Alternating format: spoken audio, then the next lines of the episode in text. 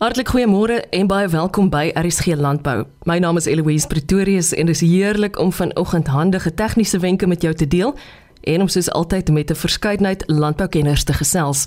Onthou die asook al ons ander programme is beskikbaar om weer na te luister. Gaan kuier gerus op die webtuiste www.elsenburg.com. Plantpatologie navorser by die Wes-Kaapse Departement van Landbou, Dr Gert van Koller bespreek onder andere navorsing wat beplan word vir 2022. Hybri Schreder is 'n tweede jaar PhD plantpatologie student by die Universiteit van Stellenbosch. Haar navorsing fokus op swartstam van canola. Sy het egter destyds 'n heel ander loopbaanroete gevolg. Ek verstaan jy was voorheen 'n onderwyseres. Wat het gemaak dat jy hierdie u-draai in jou lewe en jou loopbaan gemaak het? Nee, ek was 'n uh, 7 jaar onderwyseres gewees en dit was nie ek het dit geniet, maar ek het net besef dit is nie wat ek wil doen nie. Ek het veral gekyk na die toekoms en besef maar dit is nie waar ek vir die res van my lewe wil wees nie. Ek nog altyd 'n belangstelling gehad in plante en plantwetenskap en my keuse was toe plantpatologie om 'n rigting te verander. Hierdie PhD van jou, waaroor gaan hy? So ons werk op swartstam op canola. Dit is wêreldwyd die belangrikste siekte op canola en in Suid-Afrika gee dit ook 'n redelik groot probleem op die oomblik. Mense is nie altyd bewus van hoe groot die probleem is nie omdat die plant relatief gesond kan lyk en is eers wanneer jy hom deursny wat jy sien hoeveel skade daar is. En daai skade alhoewel dit nie so sigbaar is nie, maak dan dat die oesopbrengste baie verlaag word. So dit is 'n probleem wat nog nooit aangespreek is nie alhoewel dit al 'n baie lange probleem in Suid-Afrika is en die projek handel daaroor om net die grondslag navorsing te doen dat daar verder gebou kan word daarop. So ons gaan kyk na die patogeen populasie wat die siekte veroorsaak, baie belangrik om te weet watter rasse voorkom en ons moet weet die kultivar weerstand wat ons het of dit goed genoeg is in Suid-Afrika en dan ook swamdoderwerk om te kyk of die swamdoders watter swamdoders effektiefste is en die swamdoderwerk handel daaroor om te bepaal of daar klaar swamdoder weerstand is in die patogeen populasie En want as daar is, dan is die swamdoders wat gebruik word nie meer effektief nie en ook om te kyk watter swamdoders effektief gebruik kan word om swartstam te beheer. Is ek reg as ek dink canola is 'n gewilde gewas in Suid-Afrika? Ja, canola het kom al uit, ek dink 1994 is die eerste canola in Suid-Afrika ingeplant en die canola het vir 'n lang of industrie vir 'n lang tyd nie te veel gegroei nie, maar oor die laaste 5 jaar het ongelooflik gegroei en die opbrengste ek dink 2020 was 'n rekord opbrengs geweest is meer as 2 ton hektaar geweest en van daar af is die aanplantings elke jaar meer en in 2021 is weer die hoogste aanplantings geweest wat ons nog ooit gehad het. Dit is 'n belangrike produk. Dit word gebruik mos om te canola olie en dan veral ook vir veevoer en op die oomblik voer ons die baie van die oliekoek wat ons in Suid-Afrika gebruik moet ingevoer word. So daar's nog steeds 'n behoefte vir verdere groei in canola. Die meeste daarvan kom in die Wes-Kaap voor, ek is reg as ek dit sê. Waar anders in Suid-Afrika gaan ek canola boere aantref? Canola word maar eintlik net in die Wes-Kaap verbou. Dit word so bietjie meer geëksperimenteer, 'n bietjie verder op. So op die oomblik is Riversdal amper die verste waar dit suid in daai suidelike area ingaan, maar hulle probeer 'n bietjie verder um, in die oostelike rigting uitbrei. Ek is nie uh, heeltemal seker van hoe suksesvol dit dusver toe is nie, maar hulle is besig om te probeer om dit verder uit te brei na ander provinsies toe ook. Die volgende fase van jou navorsing wat verband hou met hierdie PhD van jou, waar gaan dit gaan? Dis die projek waarmee ons besig is bestaan uit drie dele en die deel wat ons tot dusver toe die meeste op gefokus het is die populasie genetika studie. En dit handel daaroor dat ons moet weet wat in die pop patogeen populasie aangaan om te kan weet of daar swamdoder weerstand is om te weet of die kultivar weerstand wat ons het voldoende is En um, om dit te kan doen, moet mens eers 'n swart stampopulasie of 'n ja, 'n swampopulasie versamel en dan 'n genetiese studie op die populasie doen om te bepaal wat in die gene aangaan, watter variante is hierso en watter rasse is hierso. So tot dusver het ons uh, baie werk gedoen om uh, canola te versamel uit soveel as moontlik verskillende velde in beide die swart land en ook die Oeverbergstreek en dan swam dit isoleer daar uit en te bepaal watter spesies dit is en dan verder gaan ons ook uh, nog isolate versamel deur 2022 en uh, ons gaan nou na die genome van die swamme kyk om te bepaal watter rasse en variëteite hier voorkom, variante hier voorkom.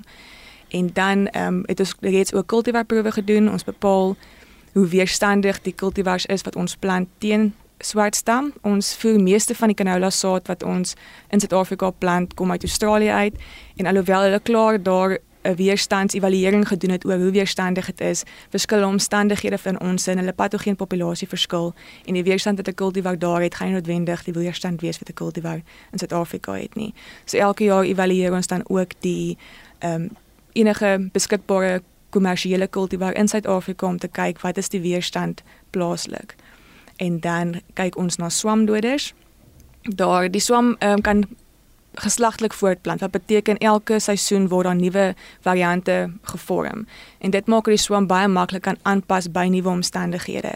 En een van die uitdagings is dan as dieselfde swamdoder herhaaldelik gespuit word of toegedien word in 'n area, dan kan die swam baie maklik aanpas en weerstand opbou teen daai swamdoder.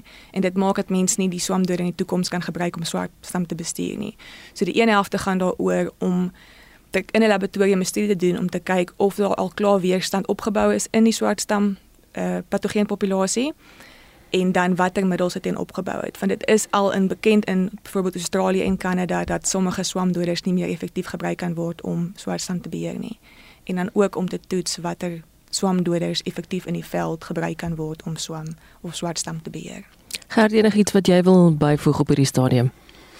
So jy het nou baie goeie uiteensetting van haar werk gegee een van die groot uitdagings het nog genoem van die variante. Dit is nou baie soos COVID wat ons dit nou van die beta variant en die delta variant en nou is die omicron variant nou swartstam met soortgelyk vorme ook variante of rasse en hy vorm met net aansienlik meer as COVID byvoorbeeld. In Manitoba in Kanada net in Manitoba in die Manitoba streek van Kanada is daar al 170 variante van van die swam al geïdentifiseer ons weet nog nie hoeveel in Suid-Afrika is nie, so dit en dit is jou heel eerste belangrikste fase van die werk is om dit te weet want dit dit bepaal wat se kultivars jy kan plant en jou kultivars se weerstandsgene oefen seleksiedruk op daai patogeen populasie uit wat maak dat die kultivar van jaar nog goed kan wees en oor 3 jaar, 2 jaar, 3 jaar is hy nie meer effektief wat weerstand binnentyd betref nie want die nuwe variante wat ontwikkel het kan dan daai kultivar se weerstand oorkom. So dit is die Dis nou net 'n dop, so dis waar Hybrid se werk begin, maar om um, aan te sluit daarbey, ons begin vanjaar met 'n MSc studie. 'n Nuwe student wat begin daarso en hy gaan kyk spesifiek Hybrid ook genoem van saad. Ehm um, daar 'n praktyk wat baie in die Weskaap gebruik word is boere hou saad terug as hulle klaar gestroop het, hou hulle van die saad terug om aan te plant volgende jaar.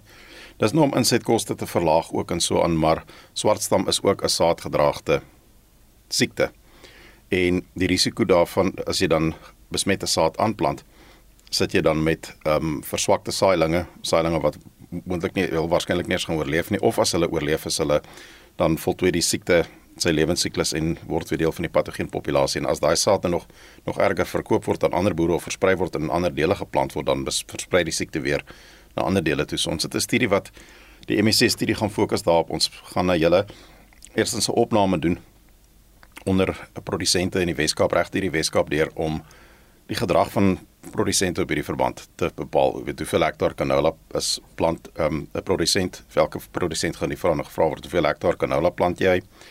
Hoeveel van die persentasie gewys hoeveel van die saad wat jy aanplant is teruggehoude saad versus nie aangekoopte saad? Eh, is is eh, eh, hierdie saad wat jy aangeplant is dit met 'n saadbehandeling, so saadbehandeling toegedien aan die saad en wanneer wat se wisselboupraktyke, wat se grondbewerkingspraktyke, want dit is alles goed wat bydra om die siekte meer of minder te kan maak. En dan so ons eers en dan gaan ons natuurlik nou heelwat saadmonsters neem by al die baie produsente en ons gaan nou toets wat se vlak van besmetting kom aan die saad voor en wat se variante van swartsam kom in die verskillende streke in saad voor.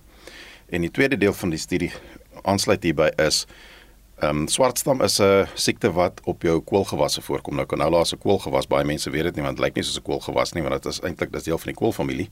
So jy kry swartstam op ander koolgewasse soos blomkool en broccoli en brussels sprouts, maar ook op jou koolagtige onkruide soos ramnas wat baie algemeen in die Weskaap is. So die studie gaan dan die tweede deel van daai studie gaan fokus op hoe lyk die patogeen populasie op alternatiewe gasheure byvoorbeeld op blomkool en broccoli en so wat ook in die Weskaap verbou word en baie keer naby aan canola streke en dan ook op koolagtige onkruide en 'n nuwe kollega van ons Jan Strauss en Piet Lombard en Lisa Smorenberg werk baie met ehm um, dekgewasse. En dekgewasse is dikwels mengsels van verskil van verskillende grasgewasse en breëblaargewasse en dit sluit dikwels baie keer ehm um, koolgewasse soos Japaneese radys en so aan ook in ons het byvoorbeeld laas jaar op Riversdal gesien dat die Japaneese radys wat in die dekgewasse is geweldig siek geword het van swartstam. Goed, dit het omgeval oralster. En ons weet nie wat se risiko dit moontlik vir canola in nie want omdat dit ander moontlik ander weerstandsgene in die in die dekgewasse het, kan daar ander rasse en ander variante van die patogeen en dan in daai dekgewasse voorkom. So dit is die tweede deel daarvan om dan 'n populasiestudie te doen wat dan aansluit aansluit weer by hybride studie oor wat wat kom dan in die alternatiewe gasere voor en nou dit 'n uh, bedreiging in vir vir canola produksie. Mm. So dit dit is waar op daai studie gaan fokus. Ons is baie opgewonde daaroor. Belangrikste om te doen is bly so ver moontlik by nie aangekoopte saad. Sorg dat jy 'n 4 jaar wisselboustelsel in plek het. Daar's nog baie navorsing wat gedoen moet word om swartstam op die mees effektiewe manier te beheer. Maar op die stadium is al reeds baie inligting van ander lande wat dit kan gebruik om swartstam te beheer. Die belangrikste is seker om 'n goeie kwaliteit saad te kies en dan ook die geskiedenis van swartstam in jou area in ag te neem. So as daar 'n geskiedenis van 'n hoë swartstam druk is, dan is dit baie belangrik om betyds die regte stappe neem om kultivar te kies wat bekend is daarvoor dat dit wel swartstam weerstand het, op die regte tye swamdode te spuit en dan nie herhaaldelik op dieselfde land canola te plant nie om liewer ehm, 'n um, 4 jaar rotasie siklus te hê of om liewer 'n wisselboustelsel te hê waar verskillende gewasse op dieselfde land geplant word en dan indien moontlik om canola lande um, verder uitmekaar te spasieer as dit herhaaldelik geplant word in 'n volgende jaar ook. Dan daar is al inligting beskikbaar oor ons kultivarproewe wat in 2021 gedoen is. So mense kan gaan kyk in die maartuitgawe van die Oilseed Focus om as jy meer belangstel oor kultivar weerstand in Suid-Afrika. Wat van 'n e-posadres as ek dalk nog 'n vraag of twee vir jou het? Jy kan my kontak by uh, my e-posadres hybrecht@san.ac.za. Hybrecht spel mens H I I B R E C H T. So gesels plantpatologie navorser by die Wes-Kaapse Departement van Landbou, Dr Gert van Koller en tweede jaar PhD plantpatologie student by die Universiteit van Stellenbosch, Hybrid Schreder. Onthou om môre om kwart voor 12 weer by my aan te sluit vir nog 'n aflewering van RSG Landbou. Ek is Eloise Pretorius en ek groet jou tot môre.